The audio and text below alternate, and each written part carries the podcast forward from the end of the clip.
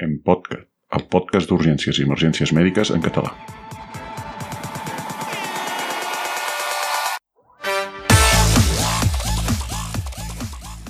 Salut, benvingudes i benvinguts al podcast d'urgències i emergències mèdiques en català.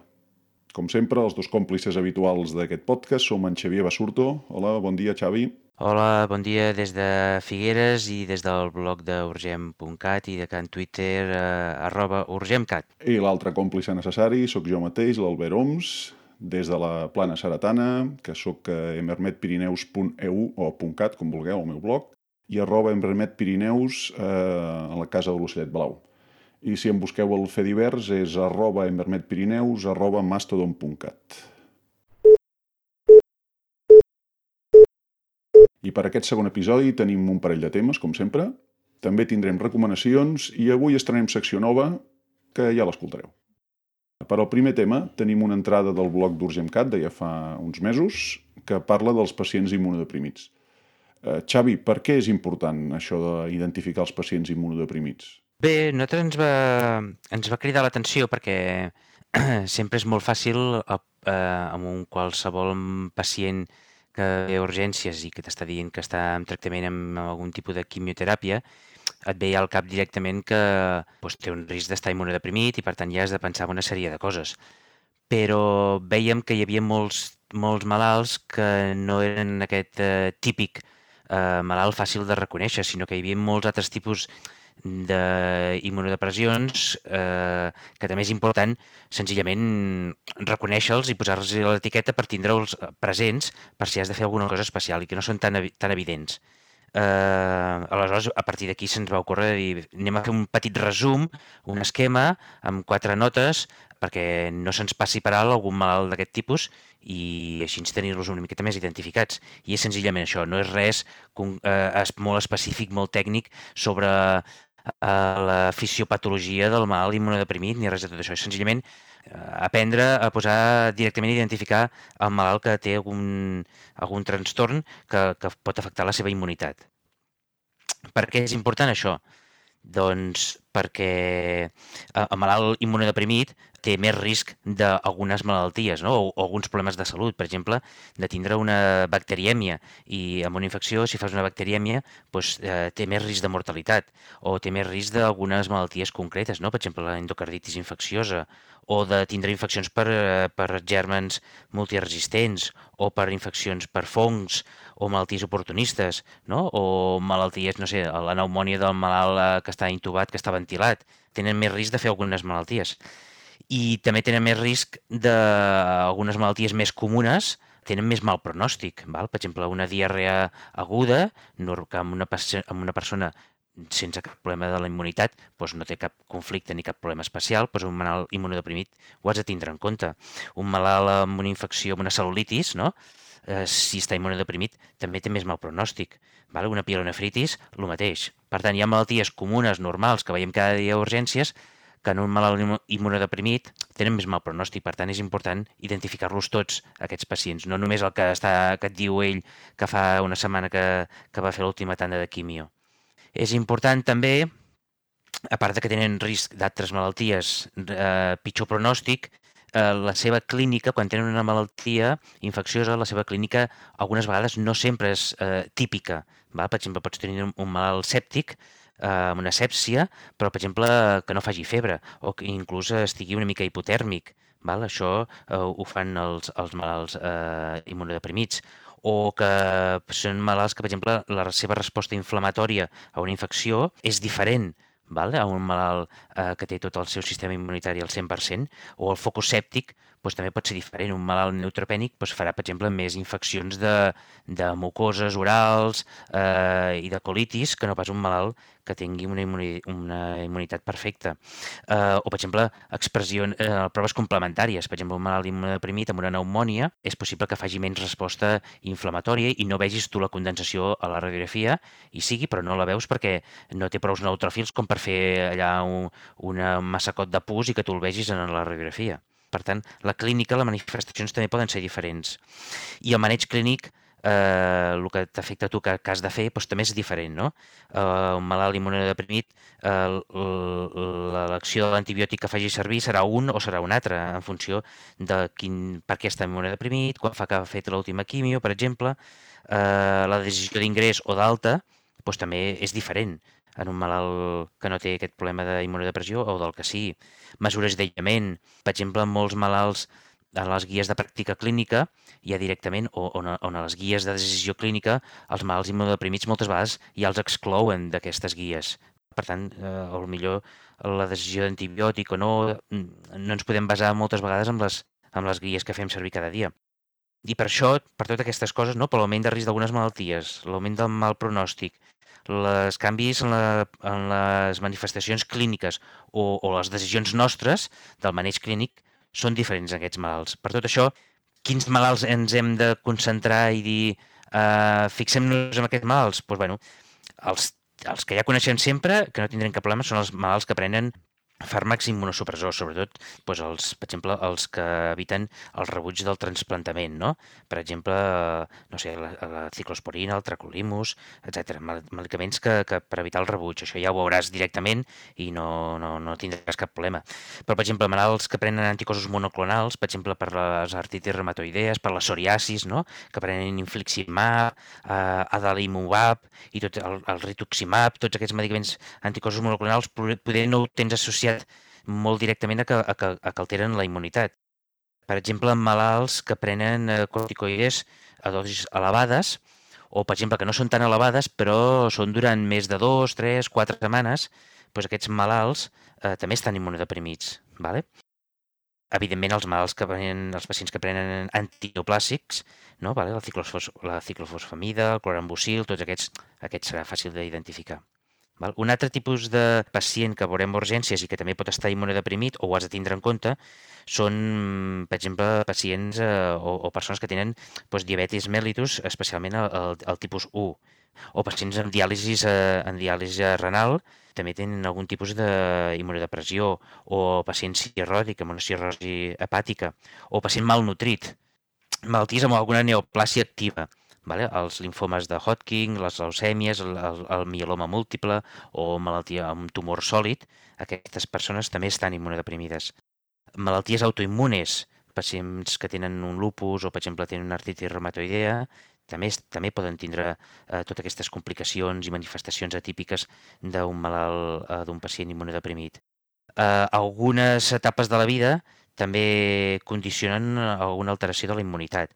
Per exemple, una persona, una dona gestant, pot tindre, per exemple, augment de la gravetat o la severitat d'algunes malalties concretes. Per exemple, la grip, amb una persona gestant, eh, pot ser una miqueta més eh, important, més, més greu, entre cometes, que una persona pues, que no està eh, embarassada. O, per exemple, les embarassades, si fan una malària, pot ser més eh, severa que una persona pues, que no està gestant, o una hepatitis E, o un xarampió, o un herpes simple. Les persones d'edat avançada, els ancians, els vells, eh, sigui perquè prenen eh, molts medicaments, perquè tenen, ja estan, pot ser que estigui funcionalment una mica tocat. Per la raó que sigui, eh, les persones grans, els vells, també tenen eh, alguna alteració de la immunitat que condiciona tot el que hem dit abans. O senzillament eh, un estrès emocional important eh, també et pot alterar la immunitat. Pacients, eh, altre tipus de pacients, el pacient neutropènic, sigui per la causa que sigui, estigui neutropènic, no? doncs, si tindre menys de 500 neutròfils per mil·lilitre, també altera la immunitat. Pacients amb una infecció per al virus de la immunodeficiència humana, el VIH, que tinguin menys de 250 CD4s, també està immunodeprimit pacients, per exemple, això no hi pensem moltes vegades, un pacient amb una esplenectomia o amb una anesplènia, eh, sigui causes congènites, causes eh, o adquirides, eh, també tenen més risc de fer infeccions per gèrmens, per exemple, encapsulats, no? el pneumococ, el meningococ, pacients amb transfusions sanguínies, pacients amb radioteràpies, pacients, lògicament, amb una immunodeficiència congènita o adquirida i, i pacients amb, amb algunes manifestacions, amb algunes malalties rares, no? amb un síndrome de Gott-Pastur, que tenen dèficit d'anticossos. Doncs tots aquests tipus de, de característiques de persones, dels malalts, totes aquestes ens poden condicionar eh, a que el pacient estigui immunodeprimit I, per tant, hem de tindre en compte identificar-los, eh, posar-los ja una etiqueta per estar una miqueta alerta perquè poden fer infeccions diferents, eh, infeccions normals però més amb un pitjor pronòstic o amb unes manifestacions clíniques diferents i per tant hem de prendre unes decisions clíniques diferents. I és senzillament això, tindre els, els que no veiem de forma clara i fàcil, doncs, identificar-los. I això és el que volíem eh, transmetre en el post que vam publicar a, a Urgem. Ara, mentre això, com després d'haver llegit l'entrada i ara, a més a més, escoltant-te, és a dir, és evident, n'hi ha alguns que, com sempre, no? n'hi ha alguns que seran evidents, venen amb un cartell de, amb un, eh, un cartell de neó que diu «Tegui deprimit». Però n'hi ha uns altres, jo pensant en aquests que es prenen corticoides de forma no crònica, però sí de, en un episodi relativament llarg, que els, els has de considerar però potser no ho estan d'immunodeprimits perquè potser no han pres prou, prou corticoides encara. Hi ha alguna mena de marcador que puguis dir està immunodeprimit, segur, eh, o sempre has de jugar amb aquesta sospita? Jo penso que eh, un marcador que tu puguis veure, sobretot a nivell d'urgències, és a dir, ràpid i que tinguis accessible a tot arreu, no hi és, per exemple, bueno, només se m'acut, per exemple, doncs el malalt neutropènic, no? Si tu fas un hemograma i surten que té, que té 200 eh, total, té 200 neutròfils en total, doncs aquest, aquesta persona, lògicament, ja, ja veuràs que està, immune, eh, que, que està immunodeprimida. Però la resta, així ràpidament, no, que, eh, no, no recordo cap, cap cosa que jo pugui saber en qualsevol tipus de malalt, mm, saber si està immunodeprimit o no, a part de doncs, la, la seva anamnesis i, no? i una analítica bàsica per veure si està neutropènic o no. La resta de malalts, doncs, per, per el que hem dit, no? pels antecedents, doncs, si és un cirròtic, si és, eh, no? si és diabètic, si, és, uh, si està prenent antineoplàssics, si està prenent immunodepressors, eh, però no tenim, no, no, no és, no, no, jo no conec no? una cosa que puguin demanar-li a tots els malalts per tal identificar-los de forma ràpida a urgències. És, és sobretot reforçar, pensar una miqueta amb la, amb la història clínica i, i per parlar amb el malalt, intentar consultar la seva història clínica electrònica per veure si identifiques alguna, algun tret que t'ho faci pensar. I ja està. Doncs pues mira, això és l'art de la medicina, eh? no tot és ciència, també hi ha una miqueta d'art eh, trobar-ho. I escolta'm... Um, Exacte. D'acord, eh, és important perquè són diferents i perquè ens poden passar les infeccions, podem no detectar-les i llavors quan acabin mostrant-se, si és que s'arriben a mostrar, doncs ja ha passat massa temps i de més. Però a part de d'identificar-los per la part aquesta no demorar el tractament, mm, hi ha alguna altra diferència? És a dir, les persones que són immunodeprimides es tracten el tractament mèdic per la infecció que puguin presentar és diferent del que una persona que és immunocompetent? Uh, sí, Clar, depen depenent del tipus d'immunodepressió que tingui, per exemple, depenent del tipus de, de quimioteràpia que faci o, o, per exemple, o el problema que tingui, eh, que has de pensar que, ha, que serà per algun tipus de germen o per algun altre. No? Per exemple, si jo sé que un pacient eh, o un nano jove per algun accident doncs se li va, se va fer, eh, es va haver d'operar perquè tenia un hematoma de la melsa i va fer una esplenectomia, però jo sé que té més risc de, de fer infeccions per al pneumococ, pel meningococ, doncs aleshores, eh, eh, si, si té un focus sèptic pulmonar o, o neurològic, doncs jo ja puc pensar qui, quin tipus de germen és i, per tant, ja li posaré uh, l'antibiòtic uh, una miqueta, uh, com a mínim, pensant en aquests, en aquests gèrmens, no?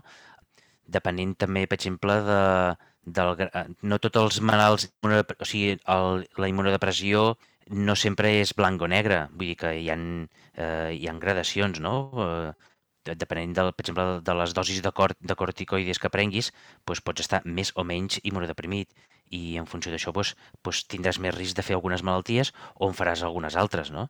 Vull dir que cada malalt, en funció de la causa que li provoca la immunitat, i si això li provoca una immunitat molt greu o menys, doncs farà eh, infeccions per un tipus de per un altre, o amb una localització o amb una altra.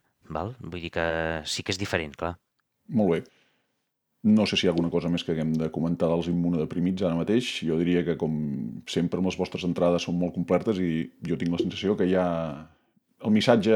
Quin missatge creus que hauria de quedar de l'atenció, la detecció i l'atenció a l'immunodeprimit?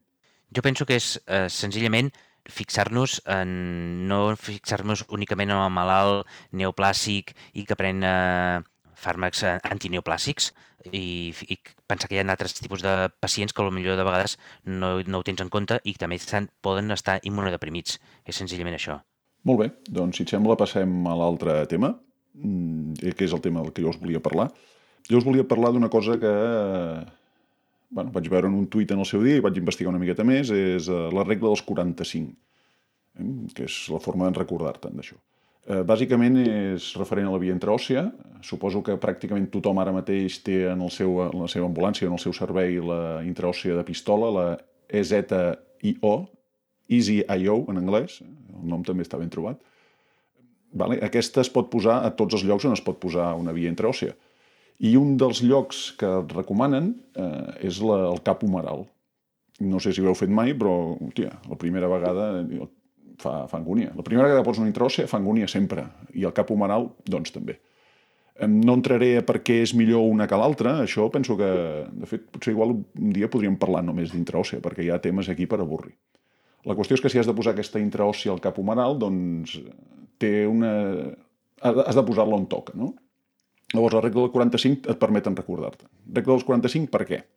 Doncs mira, perquè necessites primer l'agulla de 45 mil·límetres, que és l'agulla groga, l'agulla d'adult o d'obès. Eh, les agulles aquestes d'intraòssia de, del EasyIO veureu que tenen unes marquetes negres a l'agulla la, que corresponen a mig centímetre cada marqueta. Doncs la 45 té, 7, bueno, té menys marques perquè, clar, als extrems no n'hi ha, no? O sigui, primera, primer 45, la longitud de l'agulla, 45 mil·límetres. Ah, llavors, eh, els següents 45 és com hem d'ubicar eh, la persona primer i la nostra agulla per punxar.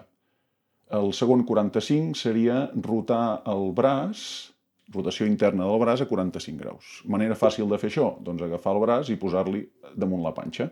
Li poses l'avantbraç damunt la panxa i ja tens el cap humeral rotat 45 graus internament que no pots posar el braç damunt la panxa, doncs simplement gires la mà cap a baix, eh, al lateral, la mà allongada al costat del cos i la mà rotada lleugerament cap a darrere, és a dir, que el dit gros busqui el terra. Amb això ja fem la rotació interna del cap humeral.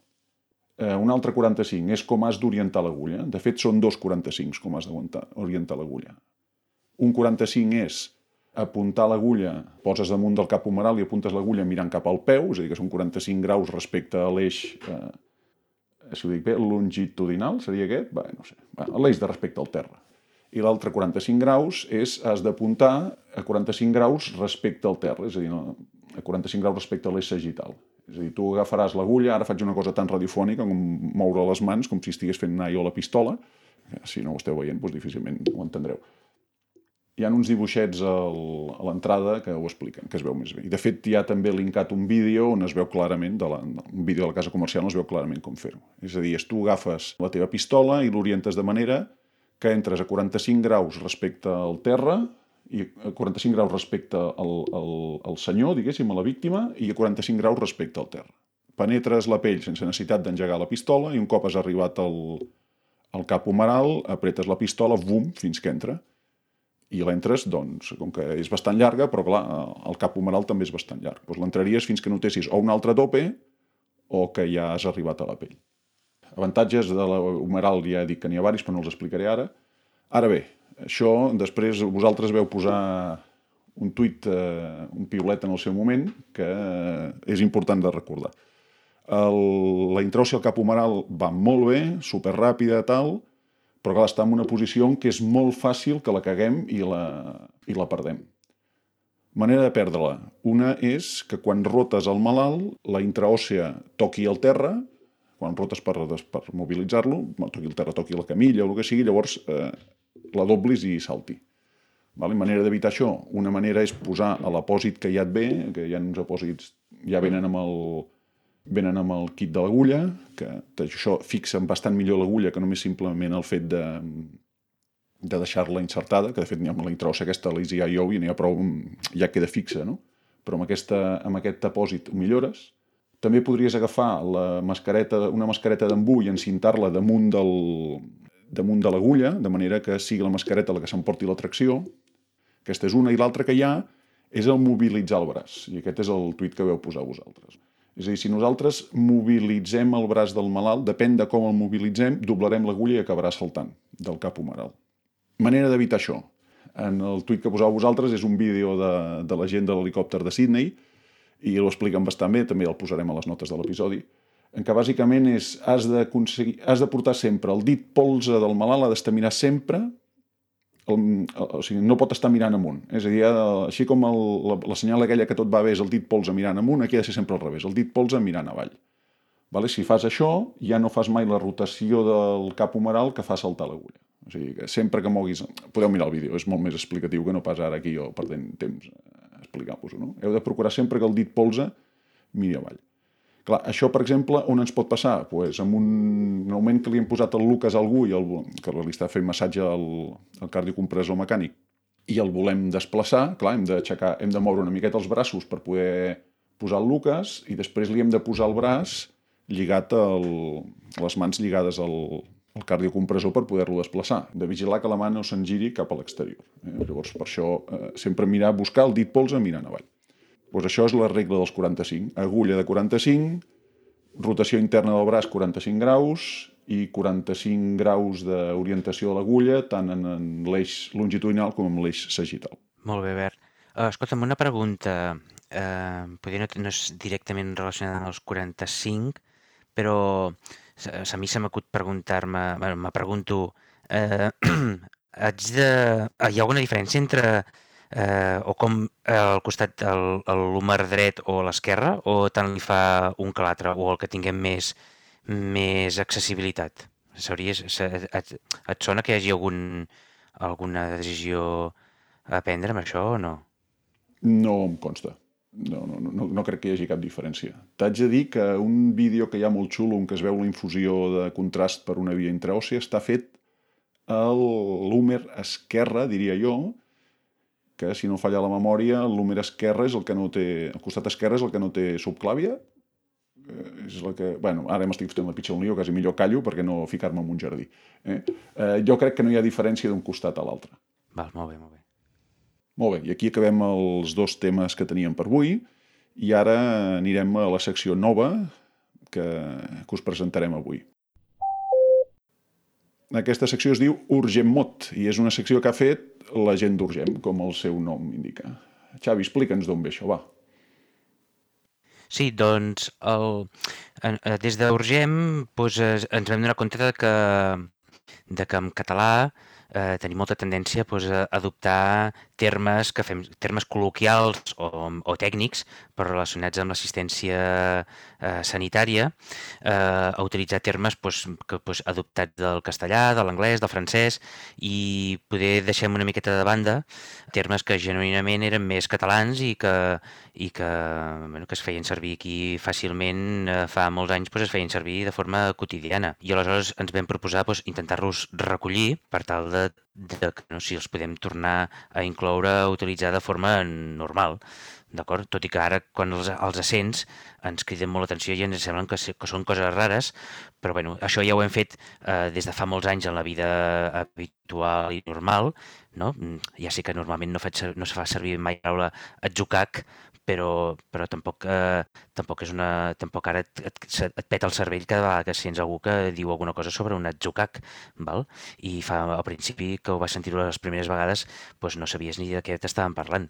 Doncs el mateix passa en termes mèdics eh, de cada dia. Bàsicament el que fem a la metodologia és repassar, intentar fer-ho de forma sistemàtica, eh, del principi al final, doncs tot eh, hi ha el, el term CAT, eh, té diferents diccionaris i té uns diccionaris de, de medicina, de ciències de la salut, i aleshores el que, bueno, des de fa, just vam començar ara al març de l'any passat, doncs des de l'A fins a, intentarem arribar fins a la Z, d'anar repassant tots els termes que hi ha al diccionari, puguin tenir, la condició és que tinguin, eh, que, són, que siguin termes que fem servir eh, o que hi hagi possibilitat de servir eh, a nivell de medicina d'urgències. Val? Evidentment trobarem molts termes que fem servir malament, però que són termes que millor no farà servir mai a, a nivell d'urgències. Per tant, aquests termes ja no, els, ja no els anem seleccionant, sinó només seleccionem aquells termes que mm, probablement eh, en algun moment o altre els puguem fer servir a urgències. I termes que seleccionem també tem aquells termes que passem nosaltres de forma subjectiva que els diem malament que la majoria de la gent els, els diem malament. Per tant, els termes que ja els, els diem de forma correcta, doncs aquests ja no els, els seleccionem perquè no ens aportaran res, ja ho fem bé, per tant, perfecte. Els que no, mm, termes que no farem servir mai urgències, doncs tampoc els, els seleccionem. I aleshores cada mes, bueno, cada mes no, de forma periòdica, doncs els anem penjant a, a, a través del Twitter, sobretot, i amb el hashtag, eh, amb l'etiqueta d'urgent mod, i després eh, els anem, anem recopilant, estem fent com una, com una un recull de termes eh, eh, que anem penjant en el blog d'urgent.cat, doncs allà anem fent el nostre diccionari particular. Eh, I bàsicament és això, és seguint les recomanacions del TermCat.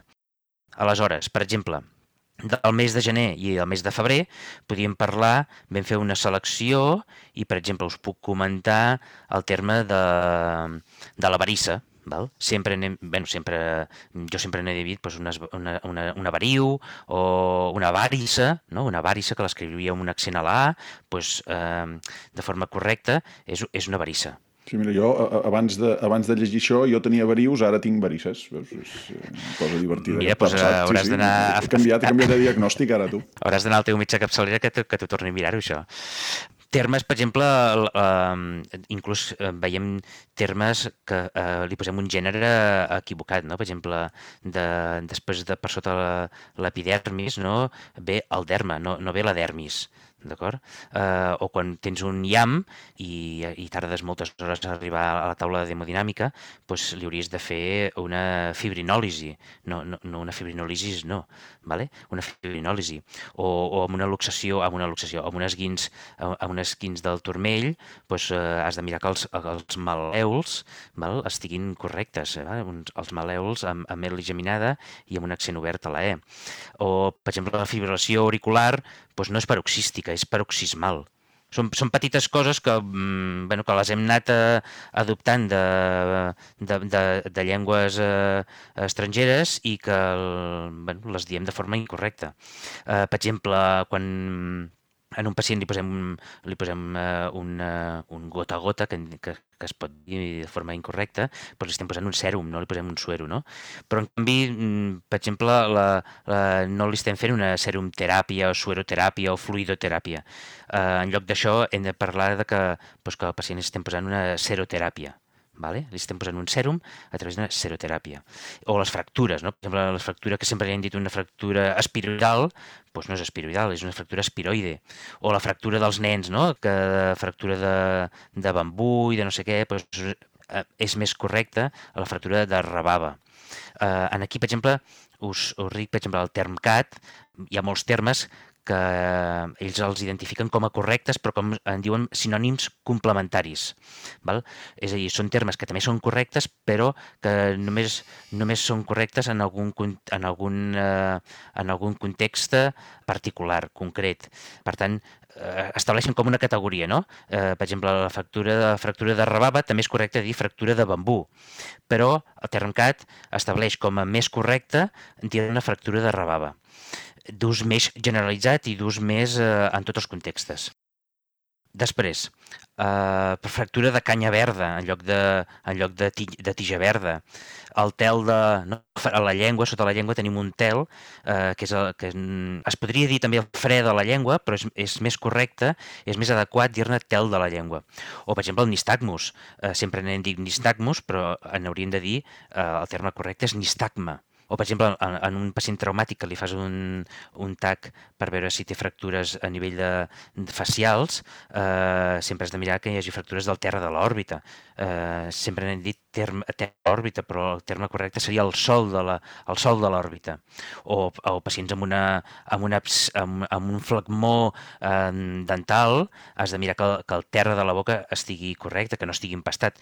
Doncs el que has, el que has de mirar és el sol de la boca val? el sol de l'òrbita, el sol de la boca, d'acord? O, per exemple, amb un dolor, amb, una, amb unes guins del turmell, has de mirar que, que eh, l'empenya del peu estigui correcta, que no li faci mal. Aquesta, val? aquesta quan la diguis, això de l'empenya, eh, encara el buscaran sí, pues, ara, eh? Pues, Sí, però és bonic, a mi m'agrada, no?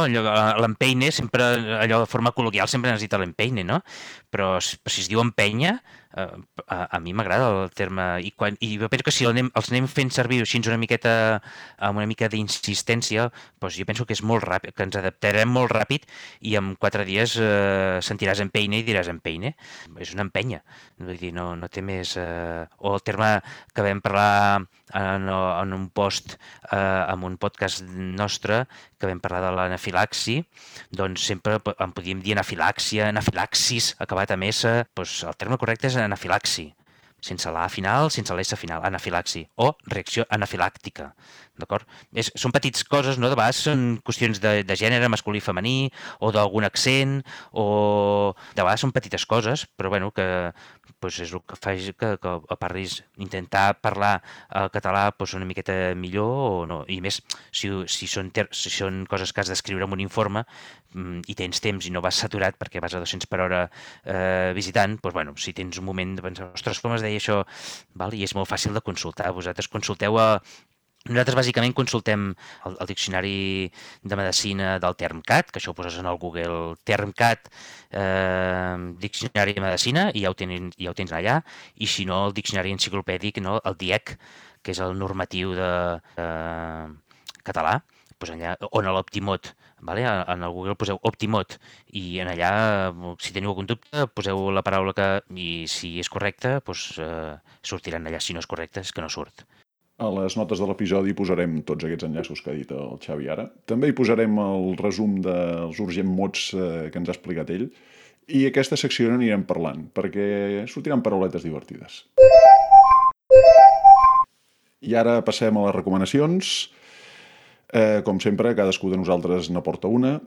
Jo us vull parlar d'un curs online, d'un d'aquests MOOC, eh, els cursos aquests massius online eh, gratuïts, és un curs en anglès que es diu Airware Matters, que és un curs de gestió de la via aèria. Simplement és espectacular. Evidentment has de saber anglès, si no malament. Eh, jo ja fa no sé quant temps. Eh? Just avui he entrat a mirar a veure alguna cosa més per explicar-vos, però ja em deia que ja havia passat el meu el temps de, que podia fer-lo. És un curs d'unes 20 hores, que ells el, el plantegen a fer en 5 setmanes, 4 hores per setmana, és gratuït, però si vols el corresponent títol o vols accedir-hi sempre, doncs llavors has de pagar, evidentment. Eh? Però l'accés al curs és gratuït i si tu el fas en aquest període de 5 setmanes que et diuen, doncs el pots anar fent. Com tots els cursos MOOC aquest, doncs és una barreja de text, de vídeo, d'àudios i de més. I és un curs de gestió de via aèria que bueno, jo l'he trobat espectacular. Tot està a la última, és a dir, parlen de coses que tot just fa poc que s'han publicat, eh, moltíssima que és un curs anglès, amb el qual tot el tema de la seguretat del pacient està superclavat, hi ha moltíssims factors d'aquests, eh, com es diu això, d'aprenentatges no tècnics, no? tot el tema aquest de gestió d'equips, de, de comunicació, molt, molt, molt interessant, molt interessant. Hi ha també una part, que és una cosa que toquem molt poc, tota una part del tema de la traquetomia, que és, eh, realment ho, ho toquem bastant poc mireu-vos-el, realment, realment és molt interessant. Eh? O sigui, ara estic mirant aquí el, el que plantegen, doncs, bueno, via aèria segura, factors humans ergonòmics, anatomia de la via aèria, bueno, fins aquí res estrany, la valoració de la, via, de la via aèria, això també té el seu interès, eh? i dealing with emergencies, eh? o sigui, com gestionar les emergències, no? Els, els no puc intubar, no puc oxigenar, bueno, va, jo la veritat el vaig fer i va valdre molt la pena. És dels cursos que, que més m'ha agradat de fer. La pega és que és en anglès. Si no sabeu anglès, doncs malament. I Albert, eh, recordes si era, parlava també de la o sigui, ventilació, per exemple, eh, invasiva i no invasiva, o només és, és, o tot és a nivell de, de la ventilació del malalt o de la intubació i de la ventilació del malalt intubat? Això és única i exclusivament via aèria. De, de ventilació no parlen res. De fet, eh, no sé per què em pensava que havien, quan va venir lo del Covid, em pensava que hi havien afegit alguna del Covid i veig ara que no hi és. O sigui que igual o m'ho vaig imaginar o, o, o ho van posar i ho van treure després. I és molt llarg de fer o no? Es requereix moltes... Recordes si, ho, si et va suposar moltes hores de fer-lo o no? Bueno, ells, ells parlen d'això, 5 setmanes, 4 hores, jo em sembla que ho vaig liquidar en un parell de setmanes. A veure, ho has d'anar fent, eh? però no, no em va semblar... A més a més, és, bueno, ho vaig trobar superinteressant, clar, potser és perquè el tema m'interessa, no? però fluïa molt ràpid, eh? la veritat. Val la pena, val la pena. Mireu-vos-el perquè val la pena. Molt bé, doncs ho farem. I què ens recomanes tu, Xavi? Jo us recomano... Fa temps que vam fer uh, un apunt uh, també sobre... Um, vam tindre una... Bé, de fet, la majoria de punts que fem a Urgent ve d'experiències pues, que tenim, no? I, i que intentem uh, després donar-hi, pensar-hi i aviam què podem fer per, per uh, solucionar-ho. I va ser un cas d'un gran cremat que vam tindre aquí a Figueres, que lògicament entre bueno, doncs entre que estàs a, a va ser amb l'extrahospitalària i entre que estàs allà no, en el fregat de, de que hi ha molta gent implicada i molt de moviment i molt de, de complexitat de, no, de gestió de, de que si ve l'hotel, que si ve...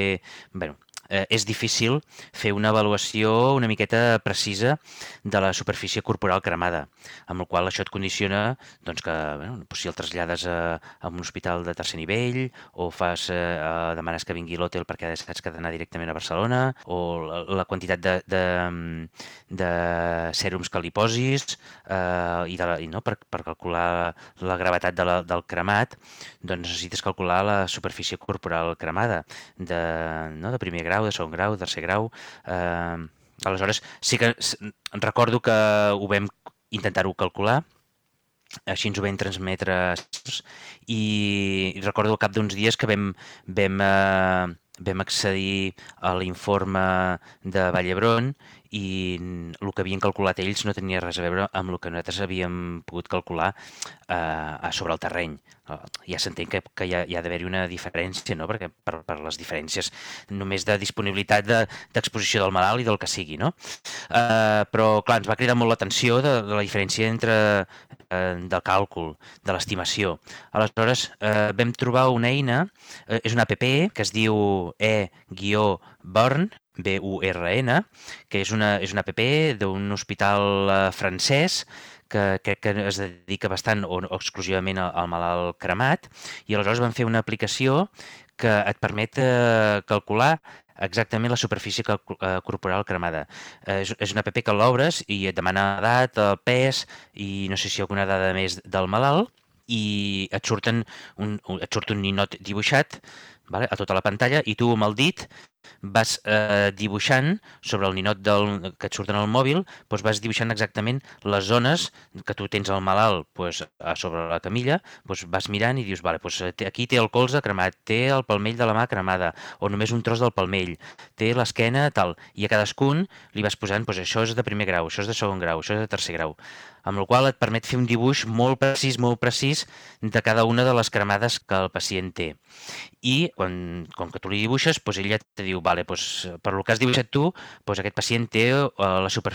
un 35% de la superfície corporal cremada, del qual un 20% és de primer grau, un altre 30% és de segon grau i un 60% és de tercer grau. I amb això ja pots eh, comunicar tu a Secors exactament i donar-li una informació molt més eh, precisa de com està el teu malalt i a més a més aquesta app, doncs, lògicament també en funció de la superfície que tu li has dibuixat, que també pot ser diferent, eh, hi ha un dibuix que és un nen, un nen petit o, o un adult, doncs ja te diu els líquids que, els líquids que li has posat, perquè com que li has posat l'edat, el pes i no sé què més, doncs l'APP ja te diu doncs a les primeres, eh, a primera hora, a les primeres 8 hores li hauries de passar doncs 500 de no sé què i els sèrums que li hagis posat també t'ho diu. Val? Però bueno, la, la, principal, la principal utilitat que jo li veig és que et permet dibuixar eh, molta, molta, molta precisió eh, la superfície corporal cremada total i, i quin tant per cent és de primer grau, segon grau i tercer grau. I és molt fàcil d'utilitzar i, eh, i la teniu accessible per Android i per, i per Apple de forma gratuïta. Eh, utilitzeu-la perquè realment és útil. Doncs potser l'hauríem de fer accessible també a les tablets, eh? a les aplicacions, a les estacions clíniques de, de les tablets del SEM, ja que també tenen un ninot dibuixat, doncs podríem aprofitar. Exacte, sí, sí. Molt bé, interessant. Això, aquesta aplicació, per això encara disminuirà més les nostres capacitats matemàtiques, eh? Perquè si ja, ara ja no ni sumarem nous, ara ja després d'això. Bueno, però ara, com que ja tenim un xip que ens han implantat, eh, això ja, ja ho solucionarem. També tens raó. Molt bé, i fins aquí aquest segon episodi del bloc d'urgències i emergències en català.